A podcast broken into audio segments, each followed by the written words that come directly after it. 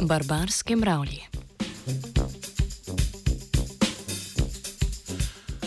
Vsem je dobro znana zgodba kukavice, ki nese jajca v tuja gnezda in tako prepusti vzgojo svojega podmladka drugim vrstam ptic.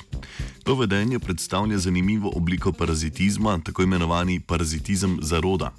Ta se je pri nekaterih vrstah mravelj razvil v skrajno obliko, pri kateri za zarod v koloniji ene vrste skrbi neka druga, sorodna vrsta teh socialnih žuželk. Revija BMC Evolutionary Biology je pretekli mesec objavila članek, v katerem so znanstveniki in znanstvenice želeli odkriti evolucijski izvor tega sužnje lasništva. Podrobno ogled so vzeli mravlje iz rodu Formica, katerega predstavniki so splošno razširjeni po celotni Evropi ter Severni Aziji. Znotraj omenjenega rodu so izbrali 16 vrst z različnimi oblikami socialnega vedenja.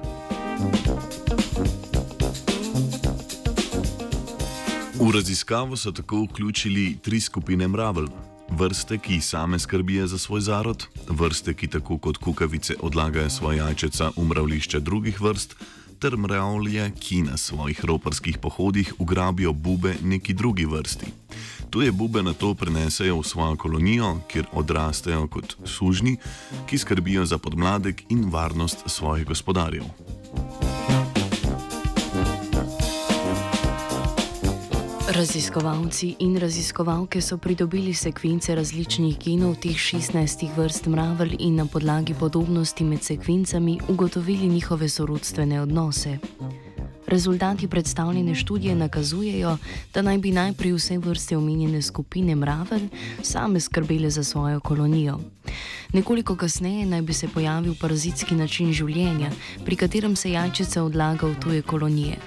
Iz te bolj blage oblike parazitizma, parazitizma, zaroda, pa naj bi se razvil popolnoma sužnje lastniški družbeni odnos, pri katerem je edina naloga gospodarjev, da se razmnožujejo in zagotovijo dovolj veliko število sužnjev, ki bodo skrbeli za njihovo kolonijo.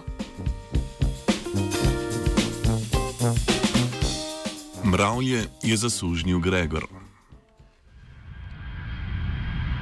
Poslušate Radio Student. Želimo vam uspešen vzlet in prijetno potovanje.